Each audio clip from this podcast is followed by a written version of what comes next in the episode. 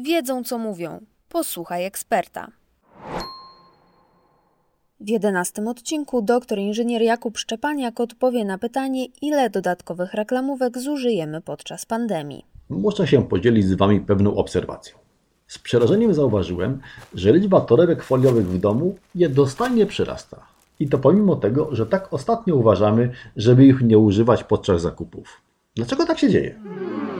Dla własnego bezpieczeństwa i trochę też z wygodnictwa zaczęliśmy zamawiać zakupy w sklepach online. Z tej formy zaopatrzenia zaczęła korzystać chyba większość społeczeństwa.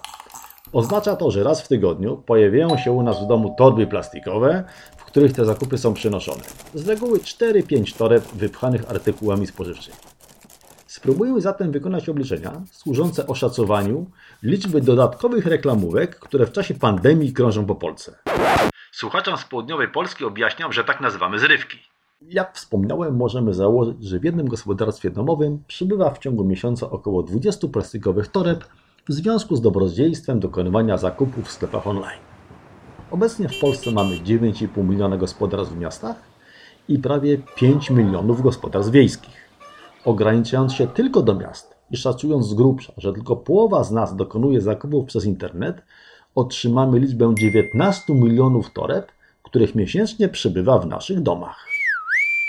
Reklamówka waży około 4 gramów, zatem 57 milionów toreb plastikowych waży 228 ton. Najpopularniejszy czołg, który był na wyposażeniu naszej armii, czyli radziecki T-55, w swojej masie bojowej ważył przeszło 36 ton. Reklamówki z czasów pandemii ważą więcej niż 6 takich czołgów, a każdy z nich wyposażony w czterech pancernych i psa.